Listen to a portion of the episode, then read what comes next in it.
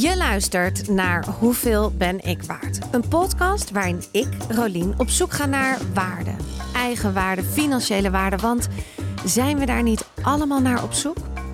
Het is een extra lange aflevering. En na een poll op Instagram was het duidelijk dat het grootste gedeelte de aflevering in zijn geheel online wilde. Dus daar gaan we. Deze week Patricia van Lient. Misschien gaat er niet meteen een belletje rinkelen, maar deze knappe vrouw heeft wel een indrukwekkende cv. Ze begon bij Wild FM, ging door naar Q-Music, 100% NL, BNR, maakt nu podcast en schrijft een column in de Kek Mama. Ze is feministe en moeder van twee dochters. Het is een heerlijke, chaotische aflevering waarin we heel veel bespreken. Haar liefde voor radio, haar inner feminist en dat ze misschien hierdoor wel vrienden gaat verliezen. Dat ze een X in haar paspoort wil en ze stapte recent als jury uit de Online Radio Award. Hmm, what happened? Verder hebben we het over mijn tattoos en ook mijn jeugd komt voorbij.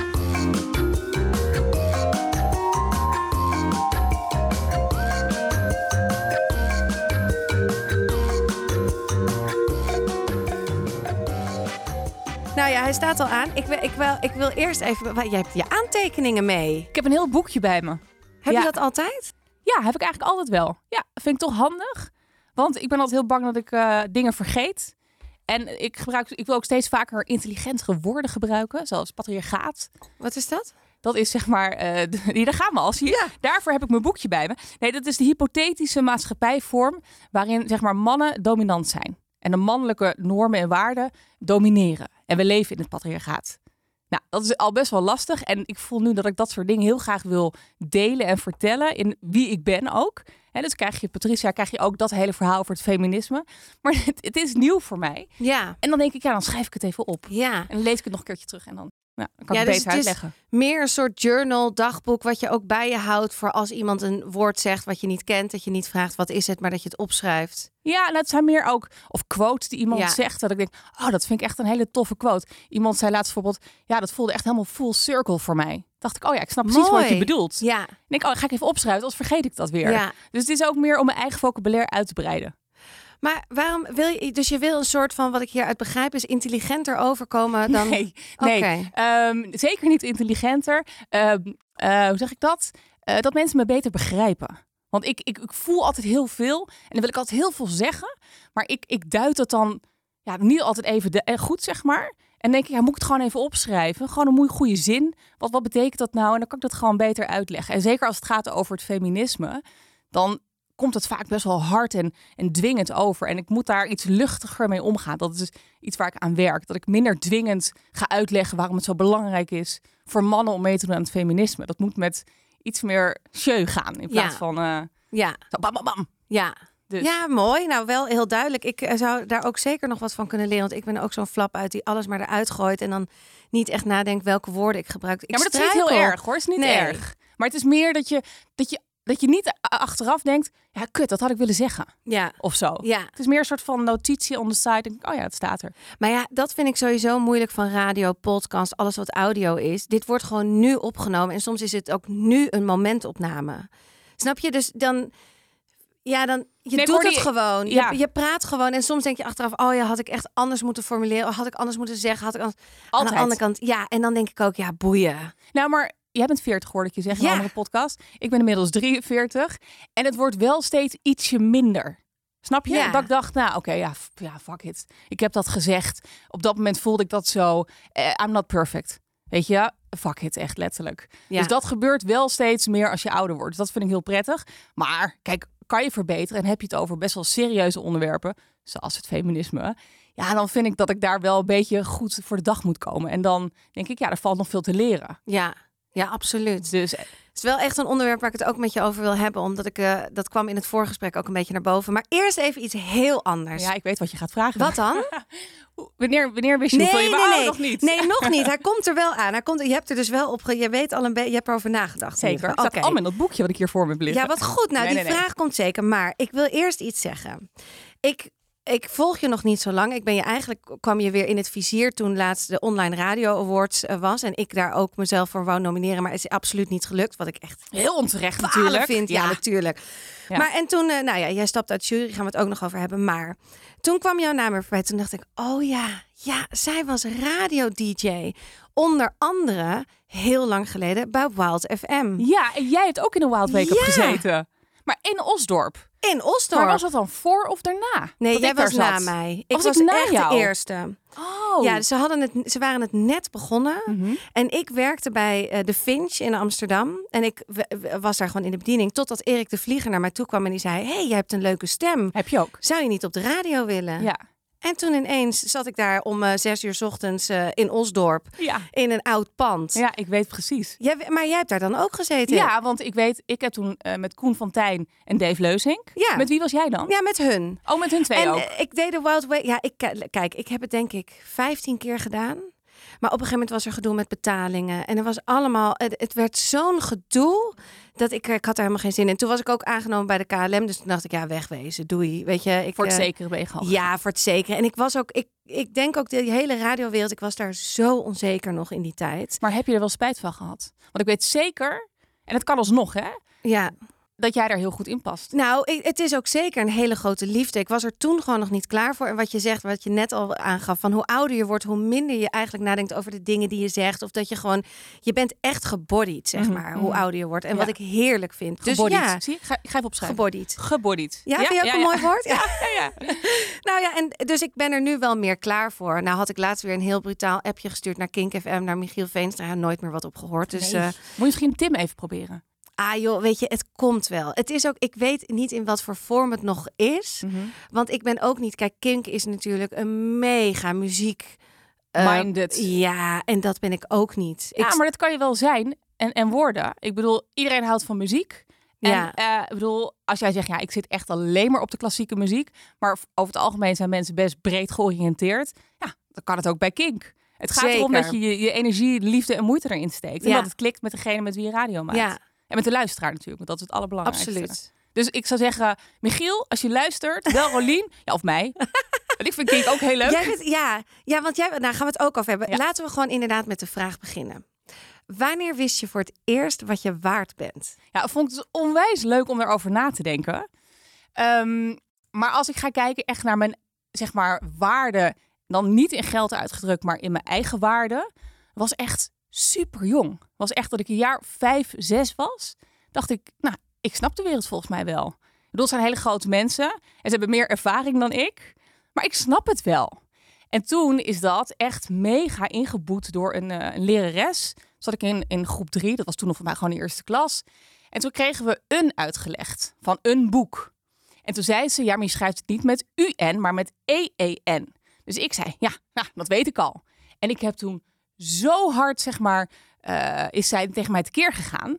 Dat ik mijn mond moest houden, dat ik niet zo'n bedweter moest zijn. En, en dat heeft mij toen echt onwijs getekend. Dat zo'n volwassene dus zei van... ja, maar jij bent dat eigenlijk nog helemaal niet waard. Je, je hebt die waarde nog niet, dat je dat al weet als klein kind.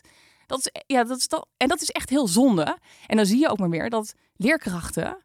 en ook gewoon andere volwassenen... heel veel invloed hebben op de eigen waarde... wat dat betreft, eh, voor kinderen. Ja, En ook nog steeds volwassenen. Maar dat is echt een punt in mijn leven... dat ik dus wel wist wat ik waard was... maar dat het dus wel meteen ook ja, kapot is gemaakt.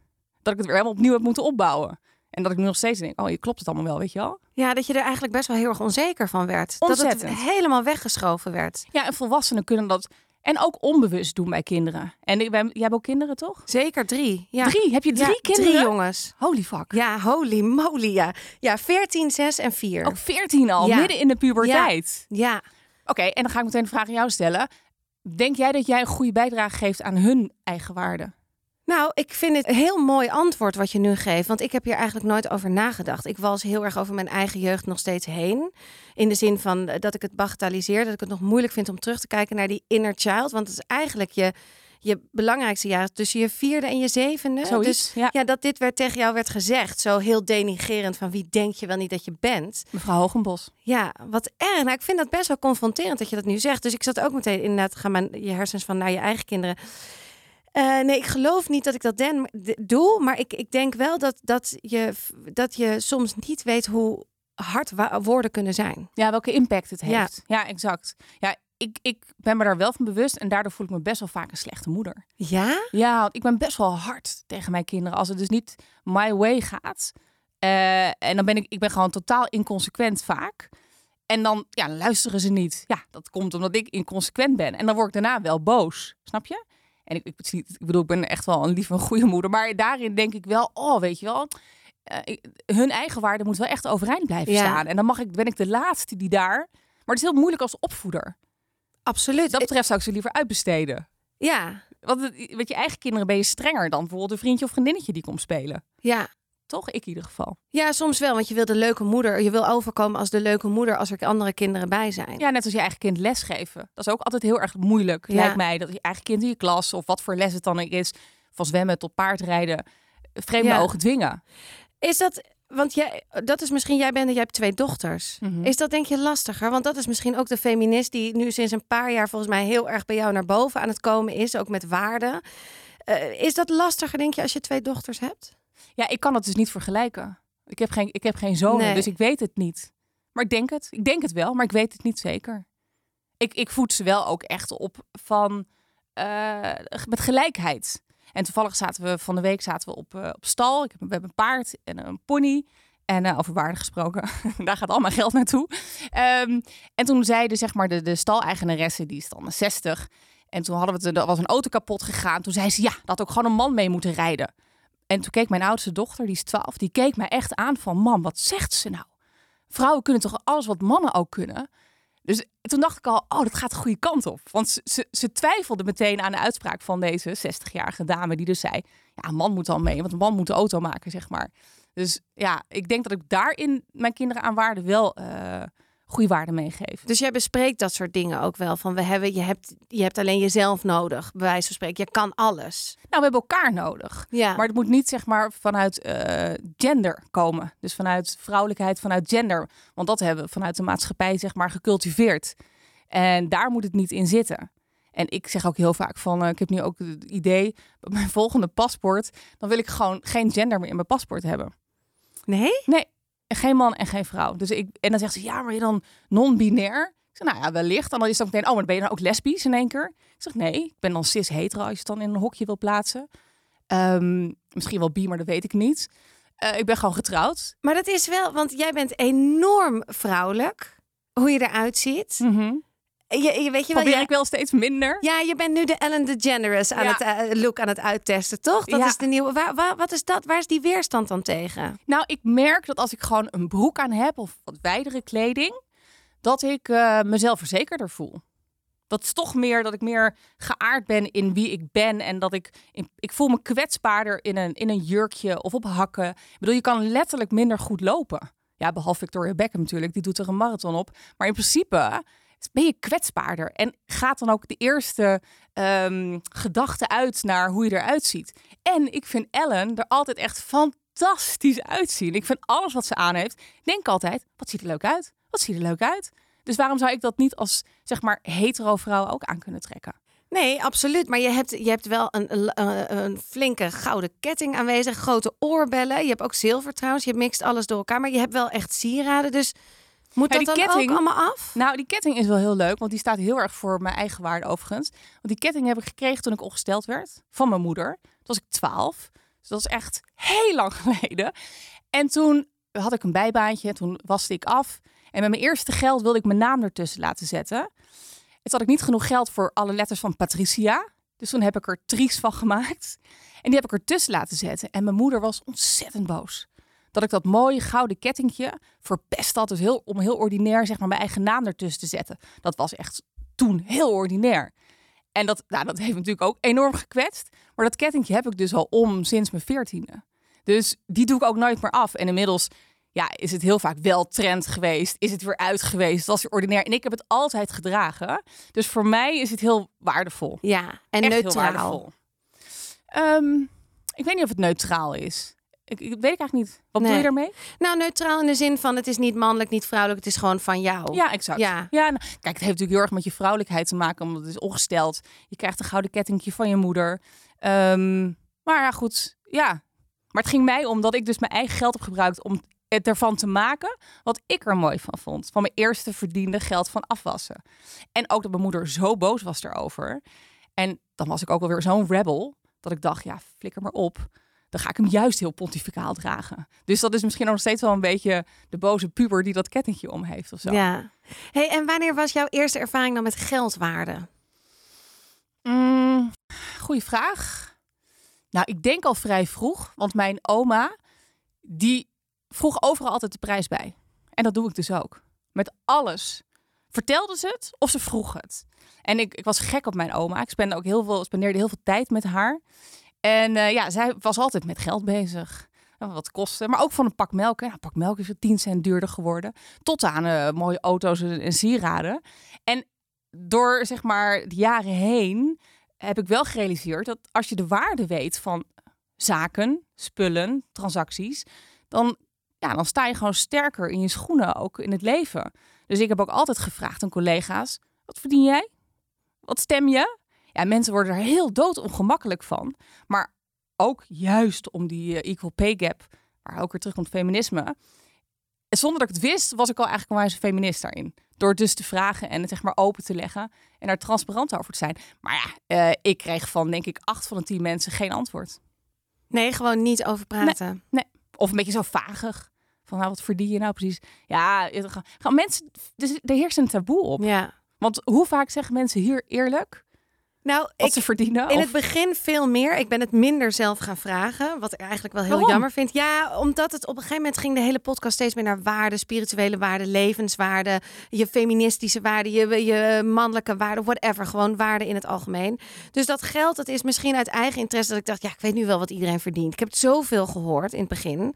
Um, maar ik ga wel weer een beetje terug. Dus wat verdien jij? Ja, dat ligt er een beetje aan. Ik werk bij uh, BNR maak ik branded podcast. En ik krijg per podcast krijg ik uh, 995 euro. En ja, zo'n reeks kan bestaan uit drie podcasts, vijf podcasts, acht podcasts. En dat gaat dan over een periode van twee maanden, drie maanden, soms één maand. Dus ik verdien voor het eerst van mijn leven echt best wel lekker geld. En dat vind ik echt fucking fijn. Maar nee, hoeveel doe je er tegelijk van die podcast? Ja, het is, dat is een beetje lastig. Um, ik had er zeg maar over. Nou, wat had ik er gemaakt? Ik, had, ik weet eigenlijk niet of BNR dit heel leuk vindt als ik dit ga vertellen, natuurlijk. Maar aan de andere kant, hey, transparantie, hè? Ja, Practice ik vind what dat you ook, preach. Ja, ik vind dat dus ook. Ik snap het helemaal. Het is wel lastiger als je. Het is lastig, want we doen het allemaal nog niet echt. Nee. Um, Nee, maar goed, er gaat natuurlijk nog weer belasting af. En, Zeker, uh, want ik vind het, jij zegt, ik vind het lekker verdienen. Ik vind het wel meevallen. Ik vind dat niet zoveel. 9,95 voor... per podcast. Oh, is het per aflevering? Ja. Oh nee, dan vind ik het wel. Ik dacht voor en die er hele acht. serie. Ja. Oh Nou, nee, dan vind ik het Staat er heerlijk. in één keer, uh, weet ik wat, 9000 euro op mijn Ja. rekening. Nou, dat vind ik echt fucking veel geld. Ja, dat is het ook. Maar kijk, Patricia, want dat heb ik ook al in een andere, Ja. heb ik ook al in een andere podcast gehoord. ja. Je, en je, je vindt het volgens mij super irritant als mensen zeggen. En ik snap dat helemaal, maar dat is, het is wel de waarheid. Jouw man verdient goed geld. Ja. Die kan jullie onderhouden. Ja. Dat is een heel veilig gevoel. Zeker. En Als misschien ik- is het ook wel mijn struikelblok. Zeker, zeker. Dus, en, ik, en ik snap ook heel goed hoor. Want daar, dat, dat ik wil ook equal zijn in wat wij verdienen allebei. Mhm. Dat vind ik zo belangrijk. Dat is zo'n drive nu om heel hard te gaan werken. Maar ik kan niet stoppen met vliegen. Want dan kunnen we gewoon de hypotheek niet betalen. Nee, is dat ander is een gevoel. ander gevoel. Eh, hoe je in dingen staat. Dat Ja. je denkt, ja, er staat nu straks 9000 euro op mijn rekening. Dat is allemaal voor jou. Ja, daar moet je je paard van doen. Dat is een keuze. Dat is heel veel geld, dat snap ik. Maar dat zijn wel allemaal hele Zeker. luxe, fijne. Ja. Ja, daar ben ik me ook heel erg van bewust. Maar dan tegelijkertijd, hoe zou ik het dan moeten doen? Van mijn man scheiden? Wat is, wat is, wat is the answer to this? Ik, het enige wat ik kan doen is kijken naar waar kan ik waarde bijdragen aan de maatschappij. Eh ander soort waarde. Ja, maakt het je verdrietig als mensen dit heel het gebruiken tegen je? Eh, nee. Nee, nee, want it's, it's a fact of life. Ik maak me heel erg verdrietig dat ehm, het zo is. In de zin van, dit, dit is natuurlijk allemaal ook nog steeds vanuit het patriarchaat. Dat hè, een man is gewoon de, de carekeeper, uh, financieel. Zo zijn wij opgevoed. Ik bedoel, wij zijn allebei een 80s en 90s baby nog steeds. En ook mijn man. En zij weten niet beter dan dat zij gewoon vijf dagen per week moeten werken. Mijn vader zei gewoon nog tegen mij, je moet gewoon een rijke man trouwen. Overigens, toen ik mijn man leerde kennen, was hij helemaal niet rijk. En ben ik degene geweest die hem echt heeft gepusht. Dat zeg ik er wel altijd bij. Zonder mij had hij gewoon uh, ja, de helft verdiend. Want we zijn naar Zwitserland gegaan en dan heb ik echt headhunters op hem afgestuurd. Van kom op liever, dat kan jij, maak er nou gebruik van, et cetera, et cetera. Dus dat betreft zijn we een team. Um, maar het, het, ik doorzie wel heel duidelijk dat hij daarin veel meer kansen heeft gehad dan ik. Dan kan je zeggen, ja maar oh, je bent een witte vrouw, je hebt alle kansen van de wereld. Zeker ten opzichte van andere uh, groeperingen, absoluut. Maar mannen hebben nou eenmaal uh, meer kansen op het werkgebied en verdienen ook meer. Dus ja, uh, vind ik het erg als mensen dat zeggen? Nee, want dan kunnen we een goed onderwerp aansnijden, uh, zoals het feminisme. Ja, absoluut. En, en de, is, is het duidelijk wat ik zeg? Of is ja, echt heel een beetje duidelijk. Nee, heel duidelijk. Nee, ik, ik hangen aan je erbij, hè? lippen. Ik hang aan je lippen. Ik vind het alleen inderdaad wel allemaal ook wel heel. Uh, ik moet daar echt even over nadenken. En ik, nee, ik vind het goed dat je het ook open wil breken. Nee, we moeten het openbreken, absoluut. Maar Ja. het, het is gewoon voor mij is dit ook alles wat je zegt heel ver van mijn bedshow omdat het, omdat het niet, ik ken dat niet, dat iemand dus zo rijk is, dat je, of zo rijk. Ja, zo rijk Nou, zijn we doen het niet, echt hè? alsof je nu zes- 6000 miljoen op je rekening. Ik bedoel, het gaat erom dat ik ken, ik zit totaal niet in die situatie. Mijn vriend verdient helemaal prima, maar die wil, net als ik, eigenlijk dat we allebei 28 uur werken, of allebei 30 uur, of allebei 34 uur, whatever we Mhm. nodig hebben. Hij wil juist helemaal dat we equal staan. Oké, hier gaat iets fout. Tenminste, hier doe ik iets wat niet eerlijk is. Ik heb het over mijn vriend, maar ik heb eigenlijk helemaal geen idee hoe hij hierin staat. We hebben het er al heel lang niet over gehad. Ik vermijd dat gesprek ook, denk ik, wel een beetje. Want vaak word ik emotioneel en vind ik het ja, altijd nog wel heel erg eng. Maar ik heb dus eigenlijk geen idee hoe hij hierin staat. Hij doet heel veel voor de kids, neemt de zorg vaak op zich, waardoor ik veel ruimte heb om mijn carrière op te bouwen. Hmm, volgens mij is het tijd om mijn persoonlijke balans eens op te meten. Ja, fantastisch. Dus, ja, dat is ook. fantastisch. Ja, dat, en daarom krijg ik ook de kans om dit allemaal te doen. Ja. Maar ik zit ook nog met die overtuigingen van, ja, shit, maar ik ben wel de vrouw, want ik moet ook nog voor die kinderen en ik moet ook de Ja, maar zo. is dus, dus dat is ja, maar dat is dus, daar moeten we gaan omdenken. precies. Want dat is dus niet meer waar. En al helemaal als jullie dus zeg maar eh, gelijk financieel zijn. En zelfs als je financieel niet gelijk bent, vind ik dat een man ook gewoon net zoveel Ja. moet bijdragen aan het huishouden. Ehm, maar dat is toch juist mooi? Dat je juist verder kan gaan praten dan alleen maar de financiële bijdrage. Ja. Dus nu ook de rol van kinderen erbij, of van vader erbij kan betrekken. Ja, zeker. En hij is een fantastische vader hoor. Door hem heb ik ook de stage kunnen lopen en al die dingen. Maar hoe, hoe doen jullie dat financieel verdeeld? Draag jij iets bij aan de pot? Nou, wij hebben, en dan ben ik altijd, eh, ga ik heel transparant zijn. Eh, we zijn nu 16 jaar bij elkaar. En ehm, ik studeerde nog toen ik hem leerde kennen. Maar ik was geen student-student. Ik heb nou bij een koor gezeten. Ik was echt een rebel without a cause met eh, dikke tatoeage op mijn rug en zo. Dus wel even goed beeld schets voor de mensen die mij niet kennen. Ehm, en hij was toen eh in zijn eerste of tweede baan bij Deloitte. Hij werkte dan eh, ja, daar gewoon. Gewoon een, goede, gewoon een leuke, goede baan, maar niet een of andere hoogvlieger. Maar door het leven heen, ehm, ja, hij heeft heel erg carrière kunnen maken. Gewoon steeds een stapje. En hij is heel hard werkend. En hij is begonnen op de MAVO. Terwijl hij had echt VWO-advies. En zijn moeder zei, joh, ga lekker naar die MAVO, lekker makkelijk, weet je wel. Uiteindelijk heeft hij de universiteit afgerond. En dat doet hij ook met zijn werk. Hij is altijd gewoon keurig gaan werken. En is echt, heeft zichzelf omhoog gewe- gewerkt. Wat was de vraag? hoe jullie het financieel thuis verdelen? Oh ja, nou, en toen hebben we eigenlijk nooit een gezamenlijke rekening genomen. Nee. Eh, ik ging, trok bij hem in. Hij had een, eh, een flat in Diemen. Een ehm, appartement. En eh, hij betaalde gewoon hypotheek. En ik betaalde gewoon de boodschappen. En uit eten en zo. En zo is het eigenlijk altijd gebleven. Dus, en ik heb wel iets van een spaarrekening. Maar zo, we zijn getrouwd in gemeenschap van goederen. Dus het is, het is allemaal 50-50. En ik maak me er ook helemaal geen zorgen over. Wat ik wel meteen wil meegeven, is dat ik heb het dus dat betreft goed geregeld. Hè? Want zijn geld is mijn geld, mijn geld is zijn geld. Eh, mocht je dat nou anders in de situatie zitten, en zeker als vrouw zijnde, en Oprah zei het al, weet wel precies hoe je financieel ervoor staat. Omdat toch de man vaak de admin doet. Maar weet wel hoe de, hoe je er, hoe de vork stil zit. En wat jullie hebben, et cetera, et cetera. Dus ja, dat. Ja. ja, en het is dus niet dat jij op een. Het is niet. Hij, hij doet gewoon. Hij betaalt alle kosten. De Ehm, hypotheek, de boodschappen, al die dingen. Nou ja, ik draag daar dus af en toe aan bij.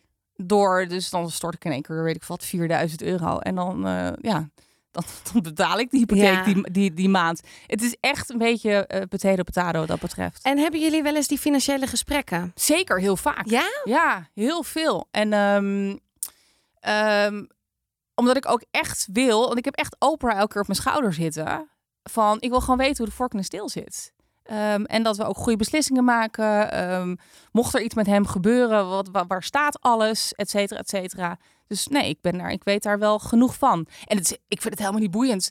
Maar dit is echt mijn innerfeminist die dat dus wil en doet. Maar hoe, hoe gaan jullie, hoe zijn die gesprekken? Is dat, is dat gezellig met een wijntje erbij? En, Heb eh, jij een leuke tatoeage op je vinger? Ja, leuk hè? Ja, heel leuk. Die Ja. wil ik ook. Ja, Ze heeft zo even een foto van maken. Ja, en dan kan je hem, eh, stippeltjes op de midden, Ja. middelvinger. ja, ik zal een foto van maken. Nou, we hebben wel gesprekken financieel. We hebben vooral gesprekken over de taakverdeling. Ik heb vorige week echt nog een heel pittig gesprek met hem gehad.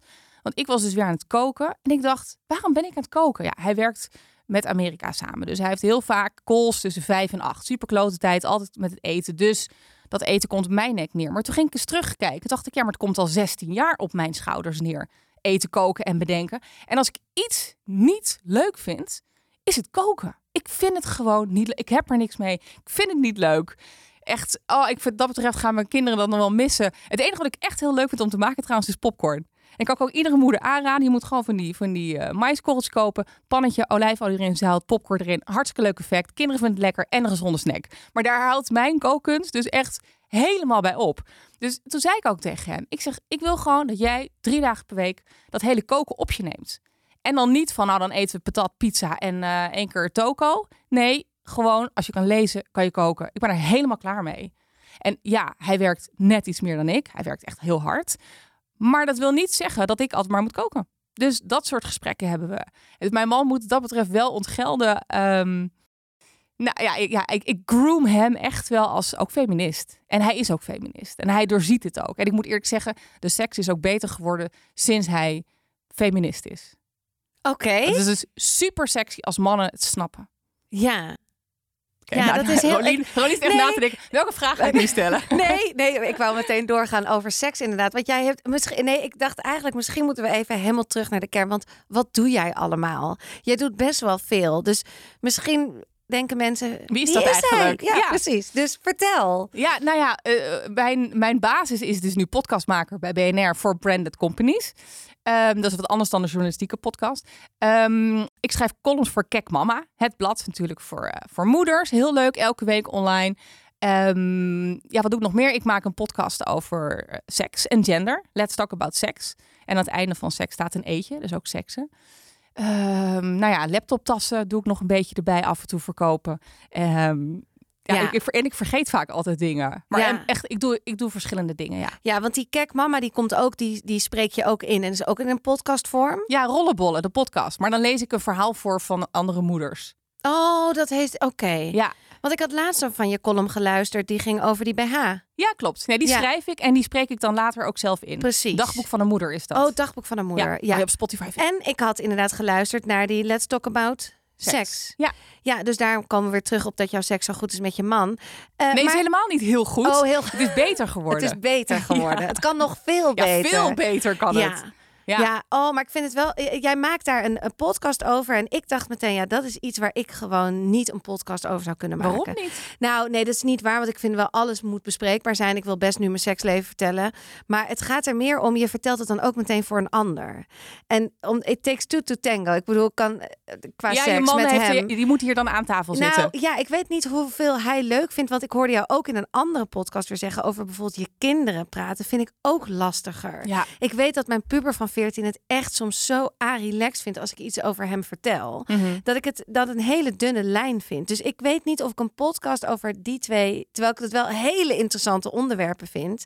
Maar wat mij meteen opvalt is dat het al lang niet online is gekomen. Ja, 6 april was de laatste. Ja, om, Het- ja. Het- Er zit geen continuïteit in Nee, je podcast. klopt. Want ik maak hem voor Good Life Radio. En Wat daar- is dat? Ja, dat is een online radiozender. Ehm, en, maar dat is onbetaald. Dus het moet even een beetje passen in eh, mijn betaalde werkzaamheden. Maar dan heb ik er weer eentje gemaakt. Denk ik, ja, hier gaat mijn hart dus wel naar uit. Fuck, hoezo krijg ik hier nou niet voor betaald? Wat doe ik hier nou niet goed aan? Eh, en wat doe ik op die andere manier dan beter? Dat ik daar krijg ik wel geld voor. Dus ja, da- daarom is zeg maar niet zo continu. nee. Dat is eigenlijk het antwoord. Want ik denk dat het wel lastig is voor podcasts als je niet eh, continu er bent. Ja. Of niet met een eh, bepaalde regelmaat. Al is het één keer per maand. Ja, ik haak dan af. ja, goeie. Ik, Want goeie. Ik zag nu dat de laatste was aan 6 april en dan een keertje 3 maart en dan in 2021 iets. Ja, dat, dat is voor mij te lang Ja, gedaan. snap ik. Ja, goed dat je het zegt. Zit het niet meer in mijn ehm, Systeem. Ja, Nee, goed dat je het zegt. terwijl Ik heb nu toch wel één weer op de agenda staan. Wel leuk over erectieproblemen eh, met een seksuoloog en een uroloog van mannen en eh, hoe ze daar zeg maar mee kampen. ja. Dacht ik, nou weet ik helemaal niks van. Nee, Super dus daarom ver van mijn bed. je, ja, En ik ben ook die, die podcast een beetje begonnen uit recalcitreit. recalcitreit. Nee? Recalcitrant. Recalcitrantheid. recalcitrantheid. Ja, Ja, mooi ja. woord. Ehm, omdat ik toen ging, ik ging weg bij 100% NL. Nou, dat was allemaal best wel een beetje ehm, nou, vervelend was dat. En toen Met wie dacht zat je daar? met Barry Baf in de ochtend. En dat was echt, ineens was dat over. Nou, mag ik niks over zeggen, dan krijg ik hele grote boetes. Eh, over geld gesproken. Dus dat doe ik ook niet en daar word ik ook zelf niet beter van. hoeveel boete krijg je dan Ja, echt belachelijk. Het ging echt over iets van tot 5000 euro of zo per dag. per dag? Ja, ja, echt heel veel geld. Maar weet je, dat is eigenlijk een blessing in disguise. Want waarschijnlijk was ik van, onwijs vanuit emotie gaan praten. En ik doe het nog steeds een beetje, merk ik. Dus het is nog een beetje oud zeer. Hoe lang is dit geleden? Ja, ik denk nu alweer twee jaar, tweeënhalf. Ja, zoiets. Twee jaar geleden, denk ik. Eh, dus het heeft mij ook wel goed gedaan dat ik dus mijn mond heb moeten houden. Vanuit feministisch oogpunt weer wat minder, maar dat terzijde. Het is weer een hoofdstuk in mijn boek. Ehm, en toen was ik eigenlijk een beetje zo boos en zo en teleurgesteld. En dacht ik, potverdomme, wat, eh, wat, wat ga ik doen? Dacht ik, nou, ik kan een podcast gaan maken. Ja, waarover dan? Nou, eigenlijk over alles. Want er is niemand die zegt wat ik moet doen. En toen dacht ik, nou ja, dan ga ik toch misschien over dat hele seks. Want eigenlijk ben ik best wel een beetje preuts. Toen dacht ik, dan ga ik met allemaal mensen over seks praten en over gender. Ehm, en dan kan ik gewoon alles vragen wat ik zelf leuk vind. Zonder dat iemand zegt, ja nee, je moet een beetje die, dat is de doelgroep, bla bla bla. Dus het is eigenlijk een beetje freewheelen. Ja, En niet zo, ja, dus niet serieus. nee. Nee, en is dit leuker dan radio? Podcast? Ja? Nee. Radio is echt heel magisch, hè? Omdat je dus direct met de luisteraar te maken hebt. Dus mensen kunnen direct reageren. Dat is eigenlijk het grote verschil tussen podcast en radio.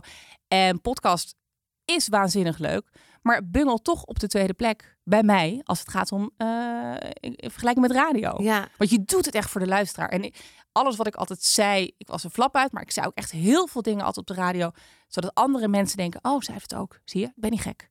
Weet je wel? precies. dat, ja. dat. Verbinding zoeken Ja. met mensen. Ja, ja, dat herken ik wel heel erg. Maar ga je terug naar de radio? Nou ja, dat weet ik niet. Ik heb wel links en rechts weer wat, wat, wat uitgegooid. Ook best wel snel toen. Maar ja, nee, nog nee, niet. En hoe is dat? Wat doet dat met je waarde als je ergens niet helemaal misschien lekker weggaat? Eigenlijk de gro je grote liefde is radio, Ja. maar er gebeurt al twee jaar niks. Wat, wat doet dat? Nou, dat is dat natuurlijk geeft wel een knauw. En ik heb natuurlijk al best wel eh, last van het imposter syndroom. Ehm, dat is die syndroom dat je syndroom dat je denkt, ja, ik ben gewoon een fake. Weet je wel. Gisteren had ik trouwens een hele leuke documentaire te kijken, My Next Guest van eh, David Letterman en Billie Eilish was de gast. En toen zei ze, toen dacht ik, jezus, ja, spot on. Toen dacht ik, ja, dat heb jij zelfs. Ze had dus echt zeven Grammys gekregen. En toen vroeg David dus, ja, wat doet dat met jou? En toen zei ze dus, ja, weet je wat het met mij deed? Dat ik dacht, deze prijs is eigenlijk helemaal niks waard. Want ze geven hem aan mij. Weet Ja, je wel, oh, wat- zoveel last ja. van het imposter syndroom. Dus zoveel mensen, en vooral vrouwen, hebben daar last van. Iedereen doet maar wat. En eigenlijk moet je dus beseffen, ja, fuck it. Iedereen doet ook maar wat. Iedereen, weet je Ja. wel. Zelfs eh, Elon Musk. Nou, die, dat is misschien niet een goed voorbeeld.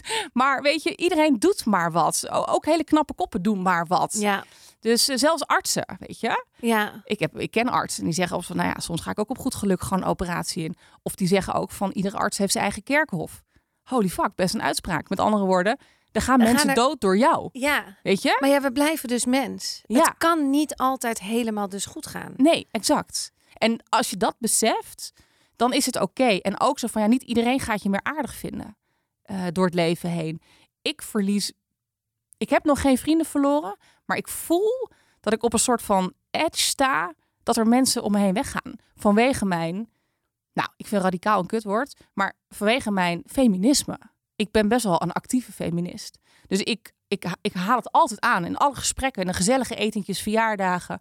Ja, best wel irritant. Dus ik verwacht dat ik dus op kleinere schaal echt wel mensen ga verliezen. Maar ik hoop op grote schaal impact te hebben. En Ja. ik kies daar toch voor. Maar dan moet je dus terug op de radio. Eigenlijk wel. Ja. Maar ja, waar? Wat zou, wil- wat, zou nu, wat zou nu bij je passen? Want dat vroeg ik ging laatst voor mezelf ook van. Als ik nou op de radio zou Mhm. mogen, waar zou ik willen? Nou en? Wat was je antwoord? Nou, ik kom toch wel uit bij. Ik zou bijvoorbeeld echt toch. Maar ja, misschien ik heb geen ervaring, niet echt veel ervaring erin. Eh, Radio Noord-Holland. Ra- Radio Noord-Holland? Ja, dat leek mij dus gewoon zo lekker kneuteren. Heel gewoon leuk. leuk. En ook met van die oudjes. ja, en, Ja, en het ja. is juist dan dat ik net zo ertution hang van dat ik 40 ben, maar dus dat ik, ik ga niet Mhm. naar de. Ja, Dan nou, ik geen niet. Max, weet je wel. Ja, precies. Het leek mij heel leuk. Maar Veronica leek me ook heel leuk. Ja. NPO 2. Ik geef je zo meteen het nummer van Rob Stenders wel eventjes. Oh ja. Want die is En daar dan? natuurlijk de baas. Hoe moet je dat doen? Gewoon, eh, gewoon appen. Dan zeg je hey, Hoi, hoi. ik ben Rolien en eh, dit is de podcast die ik maak. En eh, eh, zullen we een keer gewoon koffie drinken? Ik denk dat ik het wel kan. Zo, gewoon dat. Maar we zijn dus wel die leeftijd. Daarom, ik- kijk, ik weet niet of ik ben geen 538 meer. Ik ben geen. Nee, maar de, Ja, maar dat de- weet ik niet. Nee, ik ben ook geen Q meer. Ik, soms denk ik wel, oh ja, ben ik wel benijd. Ik wel die Marieke die gewoon, maar oh, weet je wel, die gaat maar door en die doet dat zo goed. En die wordt zo omarmd als vrouw in die wereld. Fantastisch. Dat, ja, geweldig. Ja. En ze doet het ook echt heel goed. Maar ik weet niet of dat mijn publiek is. Ik, ik, Jawel, ik denk het wel. En ik denk ook nog steeds dat ik ook bij Q eh, zou passen. Eh, omdat ik weet dat genoeg luisteraars ehm, onze leeftijd zijn. En het ligt er ook maar aan wat voor tone of voice je hebt. Kijk, Ja. zit je alleen maar te praten over, I don't know, gebrekken. eh, je snapt wat ik bedoel? Maar dat is niet zo. Het gaat om je persoonlijkheid. En dat je mensen kan eh, inspireren en bewegen. En dat je iets zegt wat, wat opvalt, wat grappig is. Wat, vooral authentic- authenticiteit. ja. En volgens mij heb En jij daar heel veel van. Ja. Dus dan pas je toch ook bij zo'n zender als Q. Dus Ik vind het heel lastig. Maar je, zo of wij moeten gewoon dus samen wel. een radioprogramma ergens Ja. gaan doen. Dacht ik ook. We zijn wel een beetje yin-yang, denk ik. Ja, ik denk dat wij wel bij elkaar passen. Ja. En ook kritisch, maar ook grappig. En ook gewoon... Ja, en, en het is, ik vind het leuk bij jou ook, de, de- wat ik heb geluisterd nu de laatste tijd en wat ik hier heb gelezen van eh, alle voorgesprekken, is dat jij loopt net een paar jaar voor op mij. Ik ben, ik ben, ik ben ook wel feminist en daarom maak ik ook deze podcast en ik ben daar ook wel mee bezig, maar nog niet zo uitgesproken als jij. Ik ben nog wel heel erg aan het zoeken, wat is mijn ei En ook omdat ik gewoon nog wel met dingen bezig ben uit mijn verleden. Jij hebt dat voor mijn gevoel al echt een beetje aangekeken. Nou ja, ik heb ook echt wel therapie gehad. Ja, ben je in therapie geweest? Ja, en ik heb ook al een potje voor mijn kinderen. Weet je Dat Oh, potje therapie. Met geld erin. Ja, als ik de je- moeder ben, weet je wel, dan, dat wordt echt zeker therapie. Ja? Nee, ik heb wel eh, een nodige therapie al gehad. Ja, en ook echt slechte ervaringen. De laatste therapie die ik heb gehad was relatietherapie trouwens. En dat was super grappig om te vertellen, want wij zaten daar. En eh, halverwege zei zij op een gegeven moment, ze was echt heel goed. En ze heette Marja Moors. En ze was dus de zus van Irene Moors. Nee. Ja, dat wist ik niet. En in één keer dacht ik, oh ja, ik zie het in je gezicht. Maar zij was echt rete goed. En elke keer dachten mijn man en ik, nou, we zijn wel klaar of zo. Weet je wel, het gaat wel goed. Dit is een jaar geleden ongeveer. Maar elke keer als we naar naartoe gingen, dan kwamen echt een soort van verlicht daar vandaan. Als een soort van APK. Het is gewoon een coach. Weet je wel, ik ben ook super voor coaches. Maar weet je wat ik zo jammer vind van relatietherapie is dat je moet het zelf betalen. Dat is Ja. ook weer een flink bedrag uit je kan hè voor mensen die het juist nodig hebben. Want je bent, ik hoorde je al ergens of ik hoor het vaak zeggen, je bent te laat als je gaat. ja, ja. Dus je moet het eigenlijk inderdaad als APK doen. Maar het is echt wel duur. het is een investering die heel veel mensen toch niet helemaal kunnen doen. Nee, maar dan ga ik een geheimje vertellen. Je kan bijvoorbeeld eh, wel zeggen dat jij een aandoening hebt. En dan komt hij gewoon mee. Dus er zijn wel andere manieren. Ja, dat Snap je zou wat ik. Ja, zeg? ja, zeker, zeker. Ik hoop ook dus dat Maar de mensen kern dat heb je zo gelijk doen. in. En Maar dat zou ja, moeten veranderen. Want dat, weet je wel, ook als je gaat kijken naar het maatschappelijke belang dat mensen gelukkig samen oud worden, is heel groot. Dus ja, kom maar op met die subsidie. Dat denk ik ook. Ja. Dat is hartstikke nodig. Ja. Maar therapie veel gedaan dus. Ja, en echt goede ervaringen, echt hele slechte ervaringen ook mee gehad. Ook echt met beunhazen te maken gehad. En ik hoorde jou op een gegeven moment ook zeggen, ja, eh, dan zit ik er bij zo'n therapeut. Ja, die lul ik onder tafel. Nou, same here.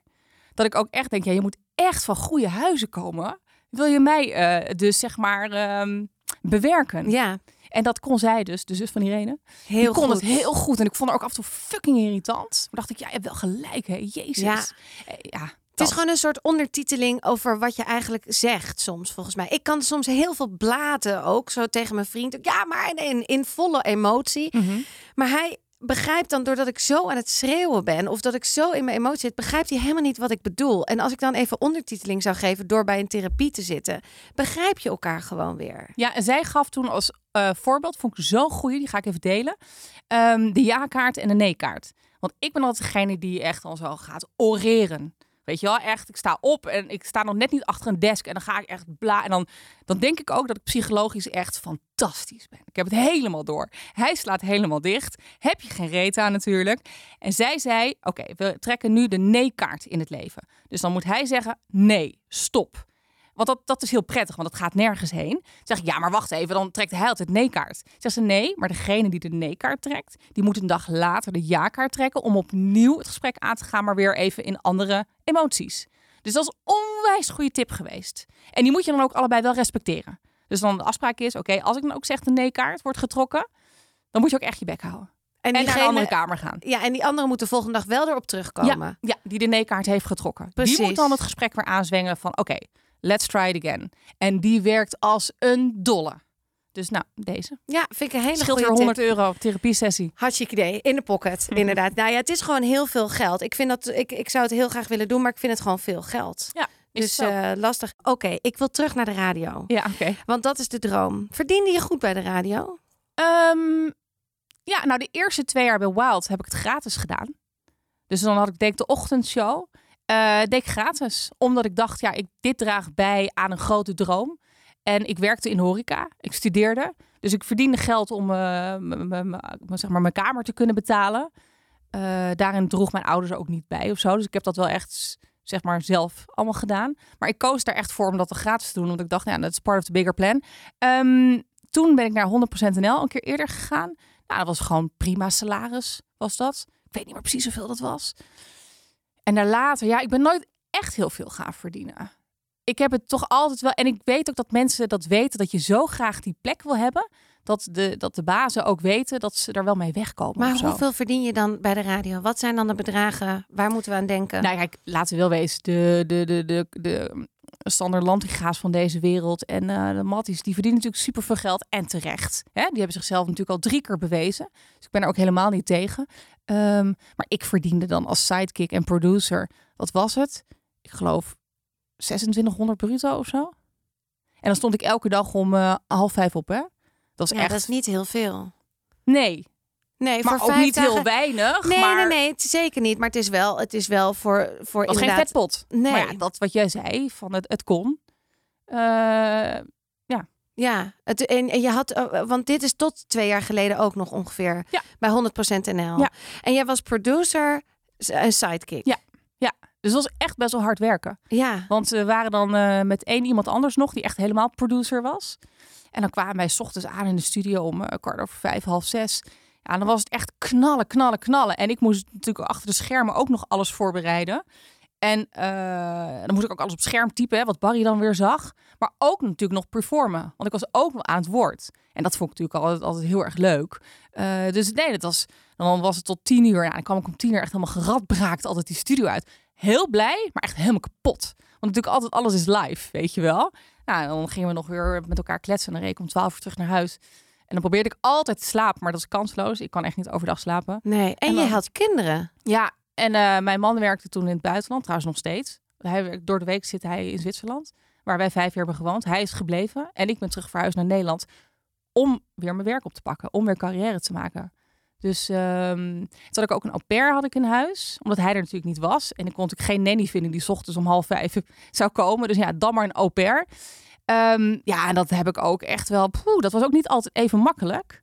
Ja, dit klinkt echt super privileged trouwens. Sorry hoor mensen. Dit zijn echt, dit is vinkje nummer 8 is dit, holy fuck. Maar um, ja, dat, nee, dat, ik moest dat wel draaiende houden. Want mijn man was er dus niet. En ik zat met een au pair. En, en, en, en werk gewoon vijf dagen per week. En dan vroeg. En altijd moe natuurlijk. Dus het was, dat was echt een uitdaging. Ja. Wat is die passie dat je het zo graag wil? Omdat het zo fucking leuk is om te doen, radio maken. En ook de, toch die maatschappelijke bijdrage die je levert.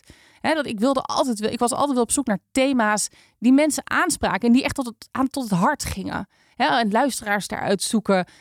Ja, waar je gewoon echt mooie gesprekken mee kan voeren. En, ja. Ja, ja, openheid, eerlijkheid. En dat, ja, dat, ik vond dat echt, ik voelde dat echt als een, als een taak die ik dan zeg maar dan als sidekickje dan had. Dus Is dat ook waar? Want dat hoorde ik laatst ook ergens. Dat een sidekick moet wel heel duidelijk zijn eigen rol weten. Je bent Zeker. nooit de presentator. nee, nee, nee. En dat is ook best wel eens lastig af en toe.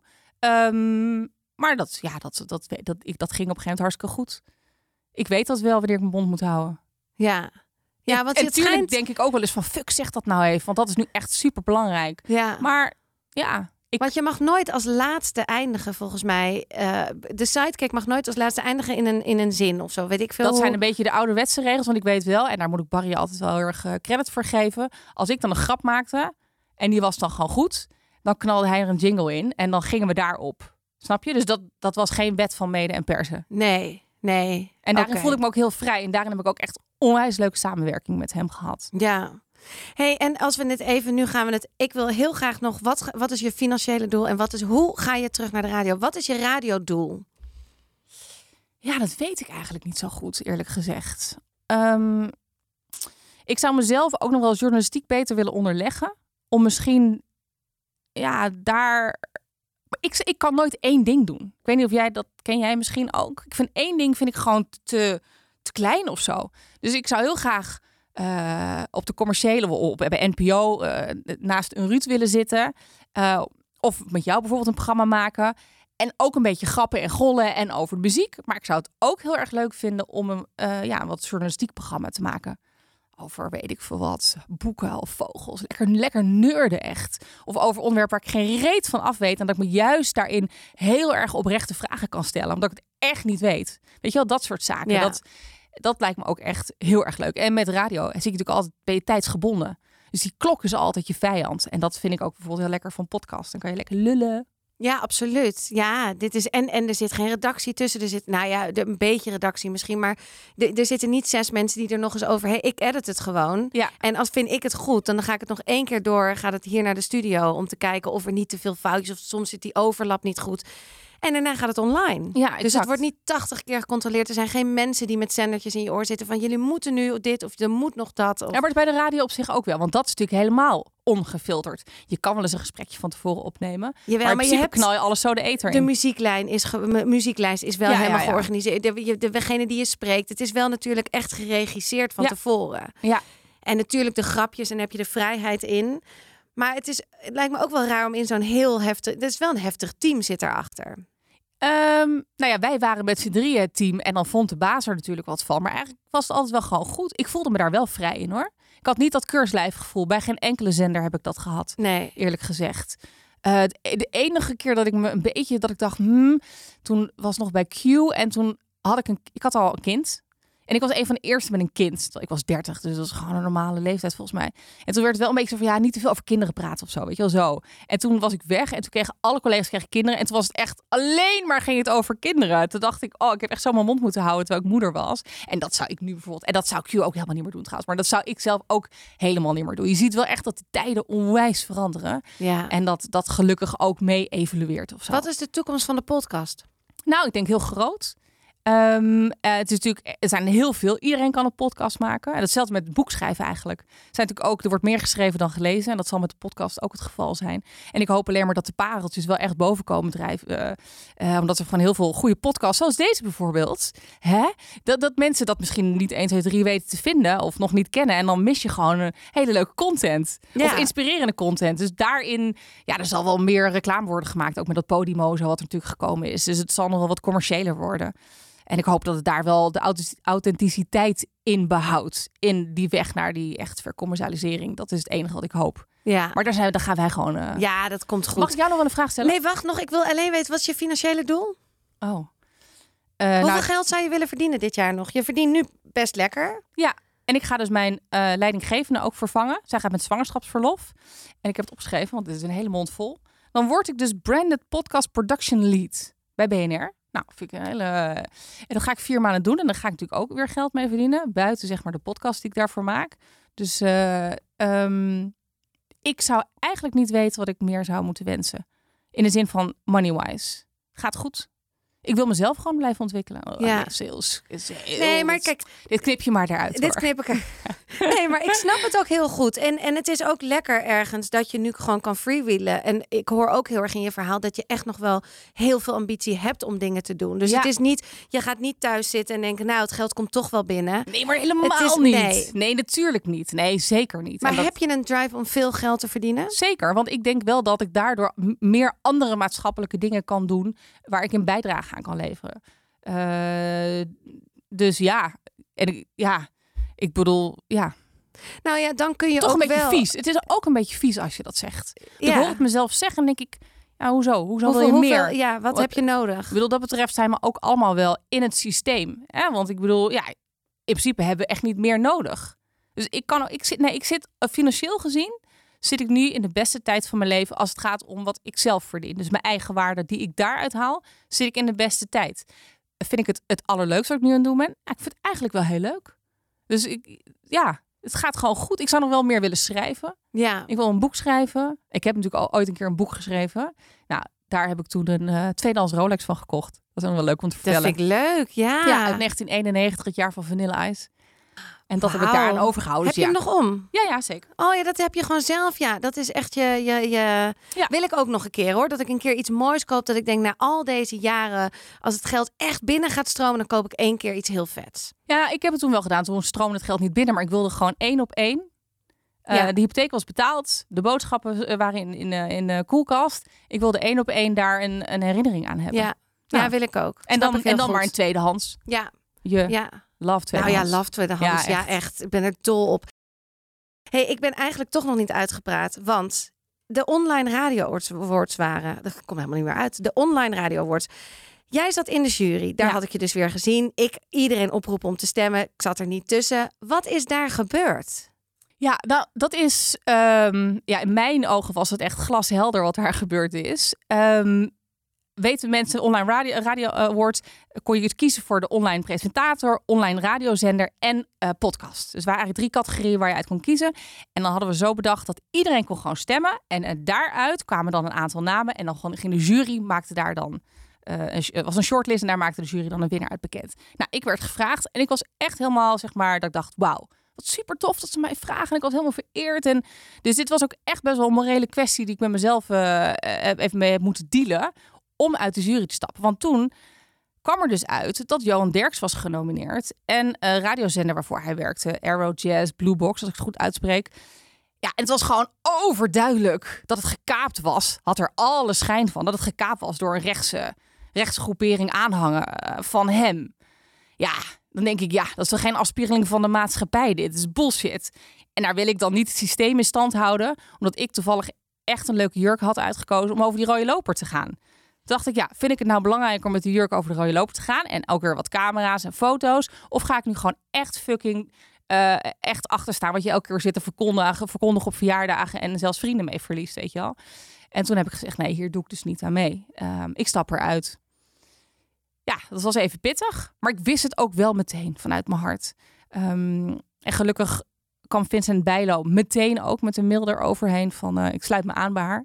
Ik sta er hetzelfde in. Nou, dan voel je er best wel door gesterkt als nog iemand dat zegt.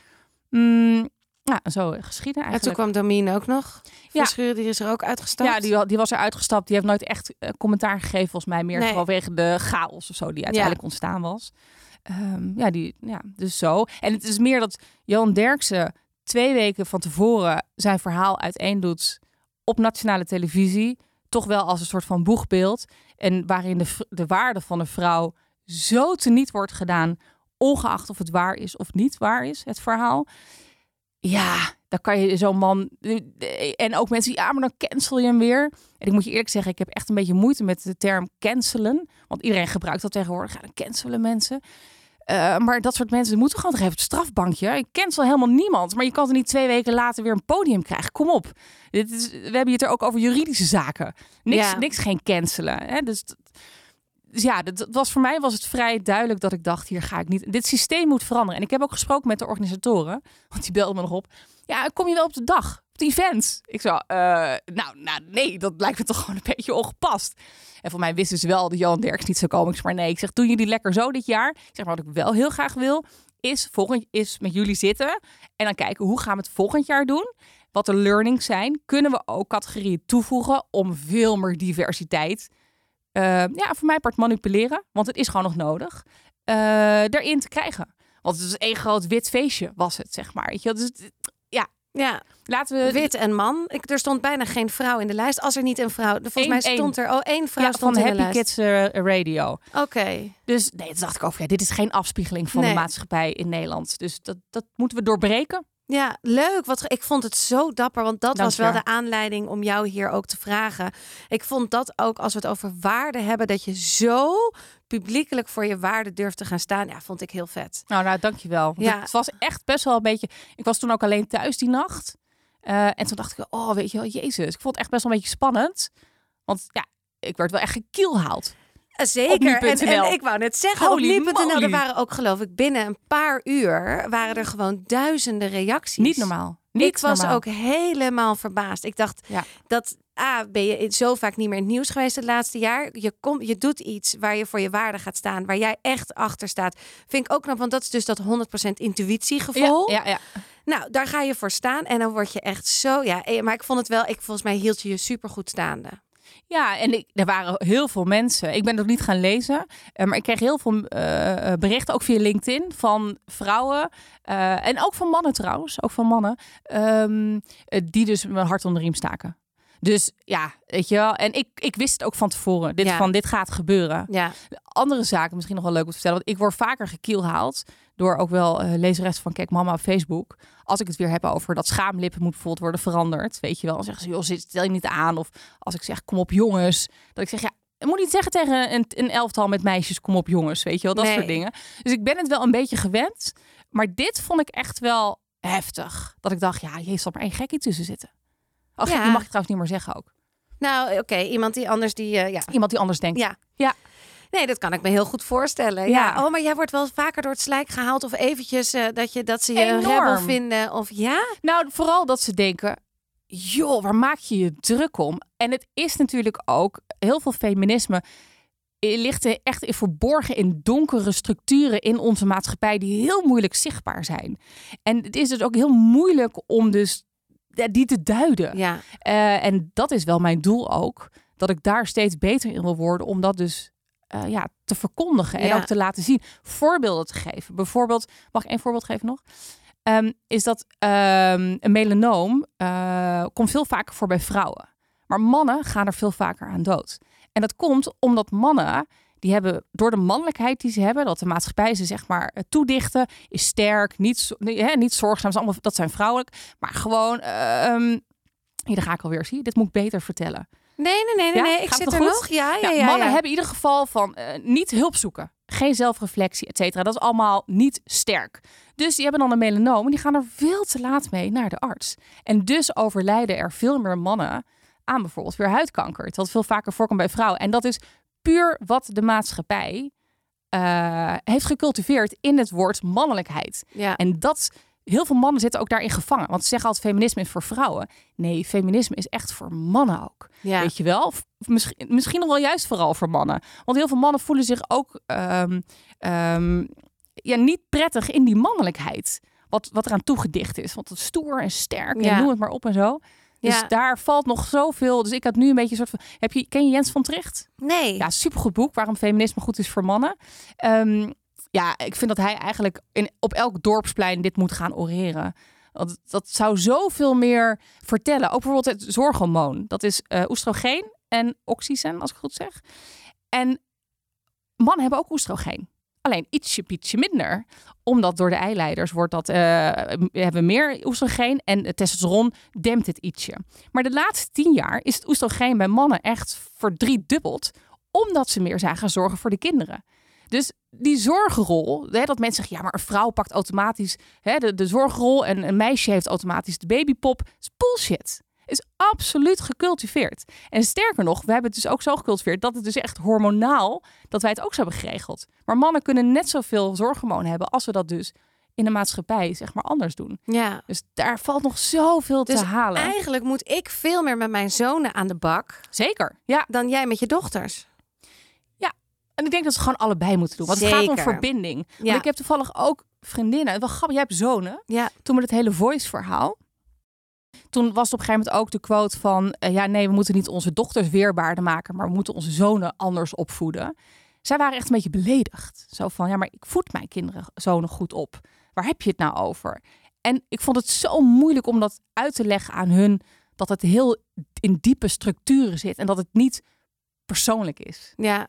Echt maatschappelijk. Maar Ja. hoe, hoe, hoe sta jij daar? Nee, ik herken dat heel erg. Ik dacht dus wel meteen, ik moet mijn zonen absoluut anders gaan opvoeden. Hm. Of tenminste, we moeten het gesprek aangaan. En we moeten ook, eh, een klein stom voorbeeld. Je, je, vroeger ging het toch wel vaak zo, je werd naar huis gebracht door een jongen op de fiets. En dan werd, ging die jongen ervan uit dat je al ging zoenen, bij wijze van ja, ja. spreken. En dan zei je als meisje, nee, maar sorry, ik wil eigenlijk niet. En meisje zegt dan, nee, nee, nee, nee, nee, nee, liever niet. En een jongen die zegt, ja, maar ik had toch gewoon, want ik moet wel met mijn vriendje, naar mijn vriendjes toe met een stoer verhaal. Weet je wel, dus dan En ik heb je helemaal naar en huis ik gebracht. heb je helemaal naar. Dus Ja. ik krijg toch een soort beloning voor wat we dan hier. En die jongen moet dus leren om te zeggen: Oh joh, ik had dit helemaal al verkeerd begrepen. Ik had je graag willen zoenen, want ik vind je heel leuk of lief. Ja. En dat meisje moet gewoon zeggen: Nee, ik wil dit niet. Punt. Vanuit. Dus het, nee, het zit aan heel veel. Het zit aan twee kanten. Maar ik vind dit nog een hele ingewikkelde kwestie. Ja, en zal ik nog een ingewikkeld voorwerp, even onderwerp even neerleggen? Want ik zat toevallig twee weken geleden naar Louis Theroux te kijken.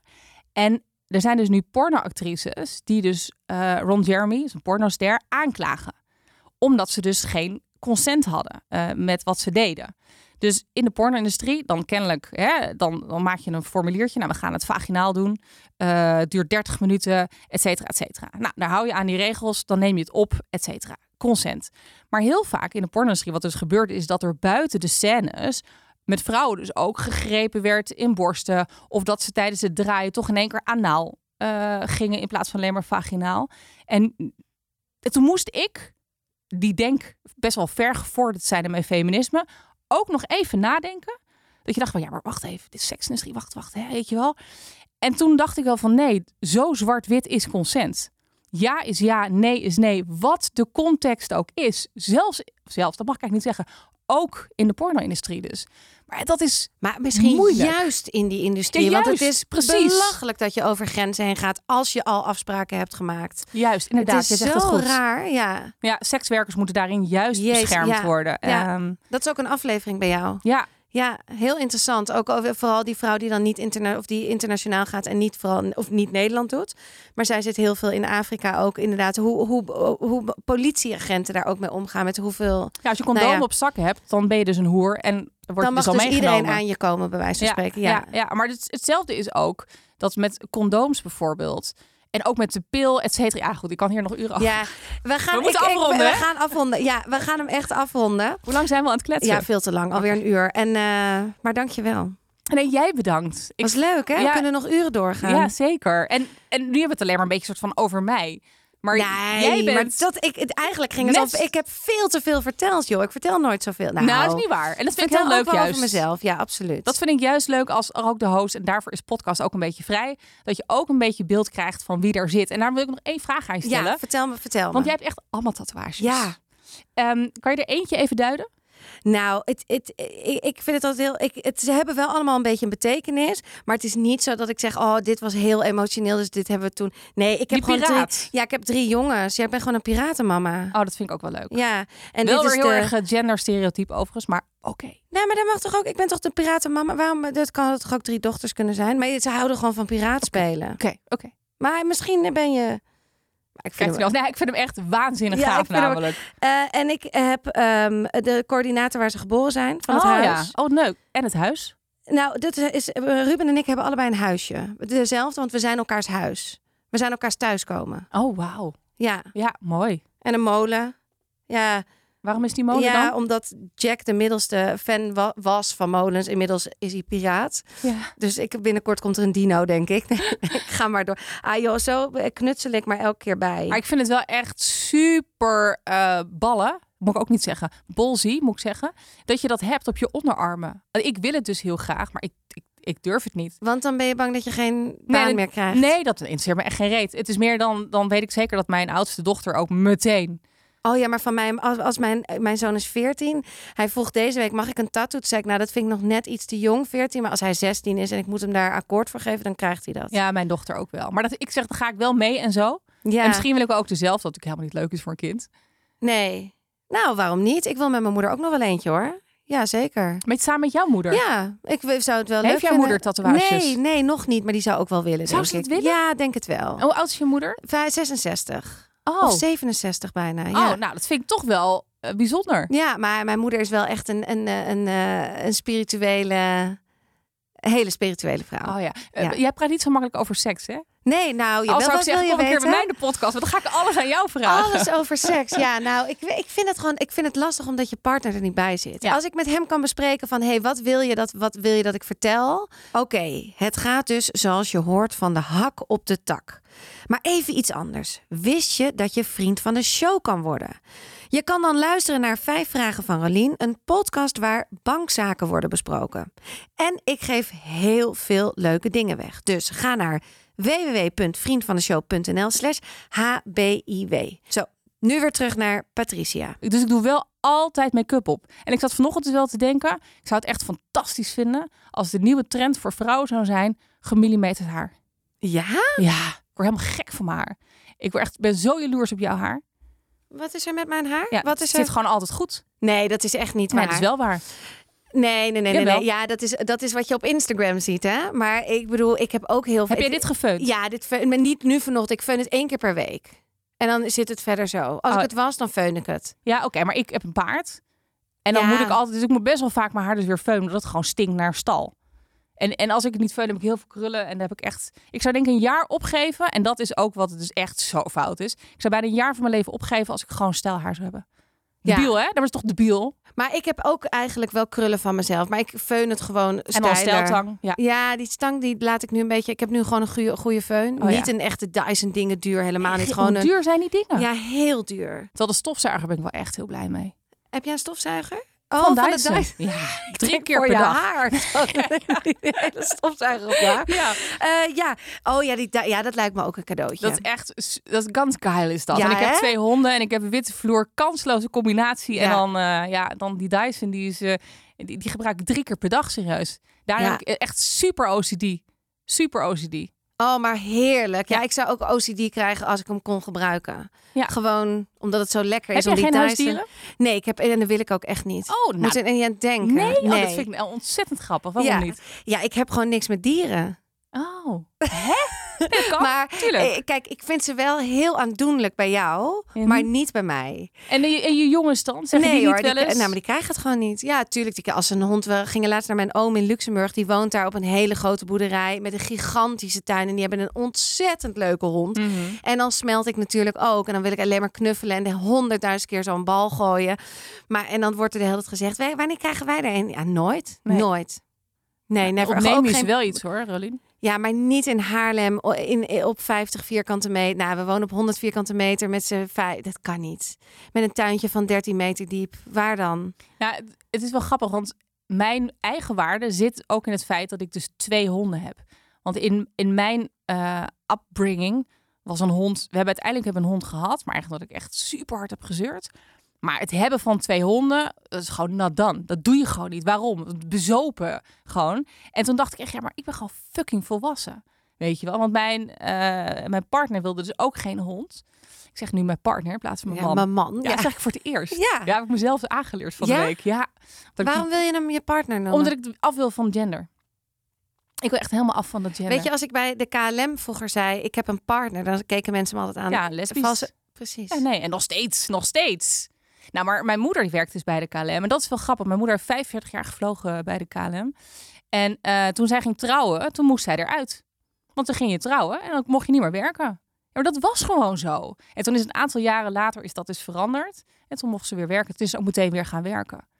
Maar dat, ja, dat was in de jaren Ja, 70 andere of zo. Ja, maar als je erover nadenkt. Ja. In Zwitserland, het laatste eh, kanton dat eh, stemrecht voor de vrouw heeft verleend, is in 1991 geweest. Ja. Mochten vrouwen stemmen in Zwitserland, 1991. Ja, bizar. Dat is En wij denken allemaal, we zijn zo ver, het gaat allemaal supergoed, weet je. Maar we, de slipstream waarin we in zitten, en trouwens we zitten nog volledig in, het is nog zo dichtbij. Ja. Ik sprak van de week een vrouw in de parkeergarage van Albert Heijn, nadat ik het verhitte gesprek had gevoerd met mijn man over die boodschappen. Dus ik ging die boodschappen doen, zo godverdomme, hij moet ook gewoon klaar. En, en, en ik ben altijd iemand die gaat kletsen met iedereen, dat vind ik heel leuk. En toen raakten we met elkaar in gesprek en toen vertelde zij dus ook eh, dat toen zij bij de ABN AMRO ging werken, en dat was een fusie, was in 1991, dat onderaan het sollicitatieformulier stond dus, wanneer ben je voor het laatst ongesteld geweest?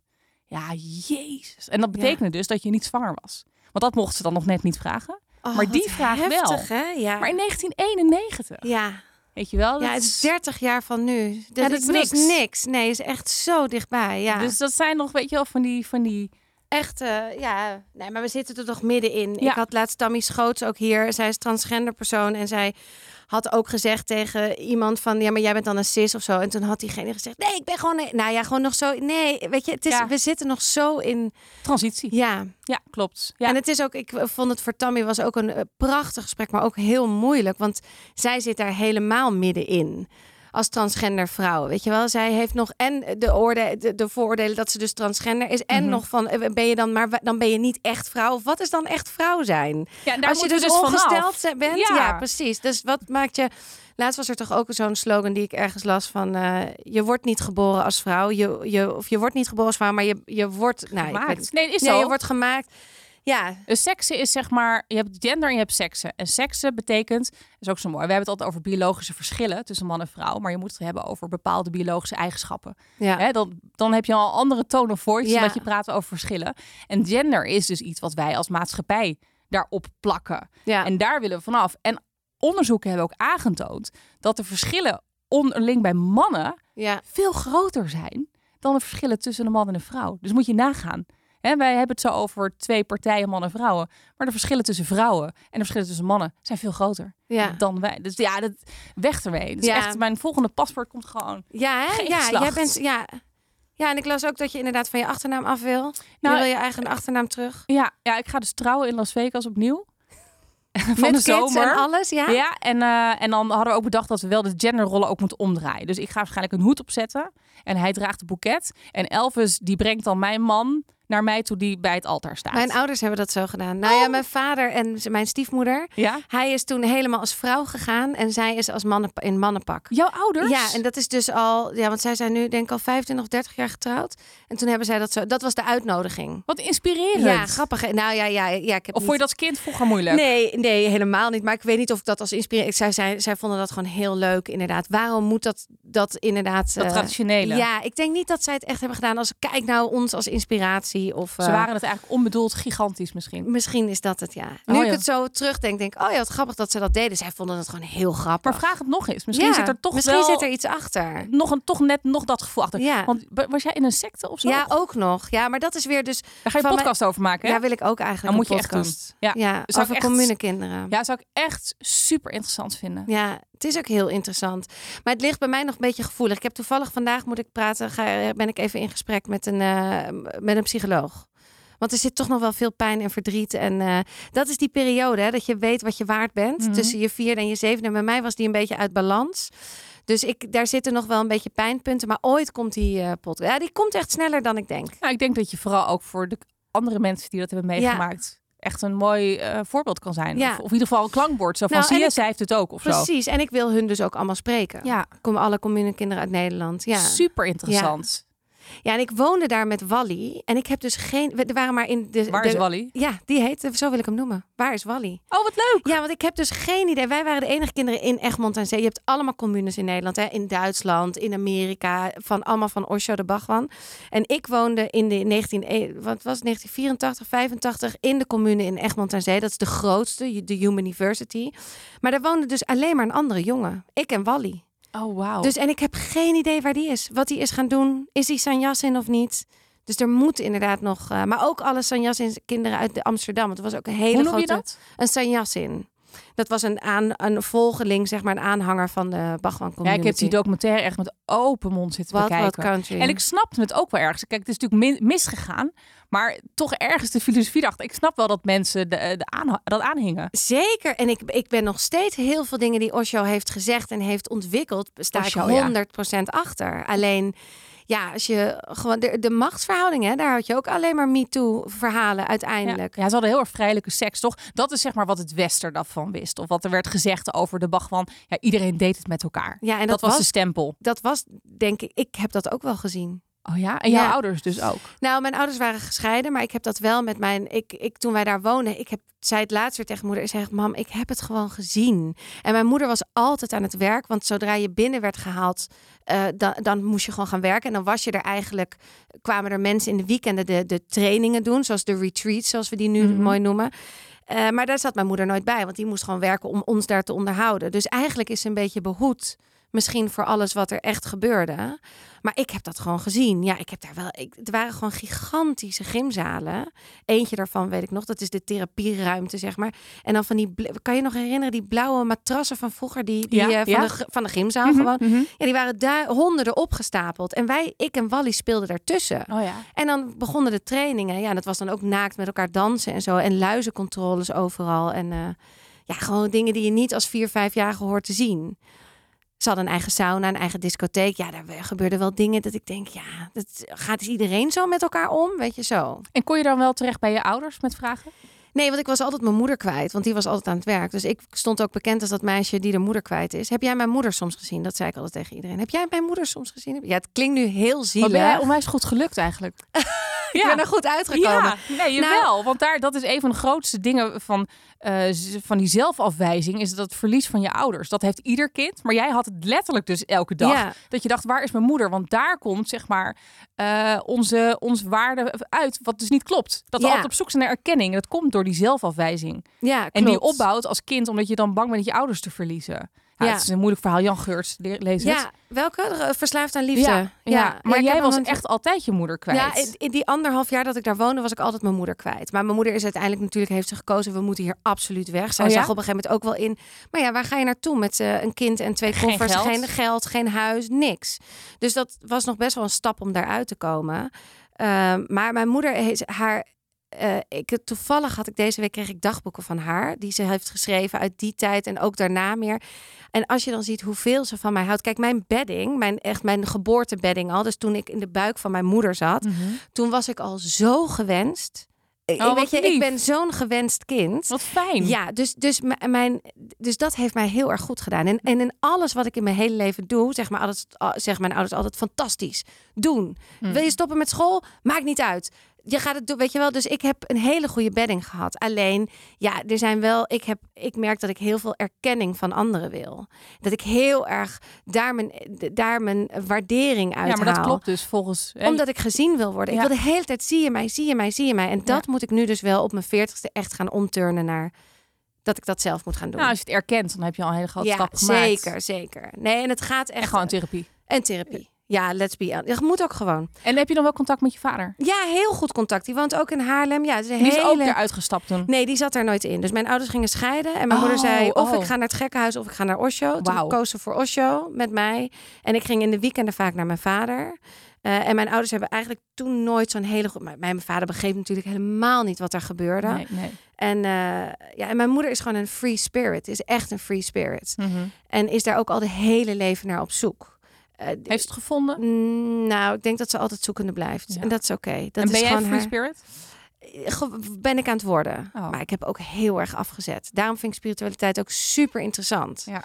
Want ik kan niet zonder, maar ik kan ook niet met. Ik vind ook heel. Ik vind ook wel eens, jeetje, we leven gewoon hier nu. Ja, maar spiritu- spiritualiteit hoeft niet over eh, heel veel metazaken te gaan, hè? Nee, klopt. Het is gewoon ook blij zijn in het moment.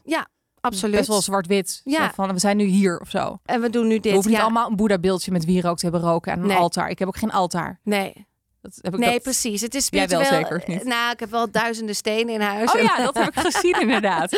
En eh, ja, en, maar, maar kijk, ik mediteer niet elke dag en zo. Zeker niet. Maar ik ben wel vaak ook met de levensvragen bezig. Ja. Ja, maar dat is toch mooi? Ja. Alleen het is soms fijn om het even te parkeren en inderdaad gewoon te zijn. Dat en is niet het. al en dat die boeken kunst. te lezen. Ja, precies. Ja, maar toch, ik vind wel ook dat, dat door lezen, meer je spiritualiteit ontdekken, erover te praten, dat het wel een soort van groei geeft. Ja, dan denk ik, ja, jezus, daar zijn wel mensen voor. Ja, Het zou zonde zijn als je dat mist. ja, absoluut. En heel veel boomers in mijn ogen hebben dat best wel gemist. Ben jij een boomer? Nee joh, hallo. Nee, hè? Nee, maar mijn ouders zijn dus ja, boomers. sorry, dat is ook zo. en Je die doen ouders dan zijn- niet maar wij echt zijn aan, eh, millennials. ja. nee, ja, ik zit daar hanger tussenin. Ja. Eh, maar de, de- de- die boomers die, die hebben niet echt aan, aan growth gedaan. Het was dan best wel Nee. zwart-wit. Het was inderdaad of zeg maar de bagwan in, Of gewoon doe maar normaal en eh, wat jij vindt moet je lekker naar de politie brengen. Dat Precies. werkt, zeg maar, weet je. Ja, Dus daar, en daar loop ik ook nog wel aan tegen met mijn, met mijn vader als ik erover heb. Dan denk ik, oh ja, jezus, je wil ook niet groeien. Je wilt het niet, weet je wel. ja, En dan is het ook wel best wel confronterend als we dan weer gaan kijken naar onze kinderen. Ja, daar zit ook een generatie tussen, weet Ja. je. En ja, fuck, daar komt ook wel iets van een kloof op een gegeven moment terecht. Hoe hard we het ook niet willen. Maar misschien kunnen we wel altijd verbinding blijven houden met spiritualiteit.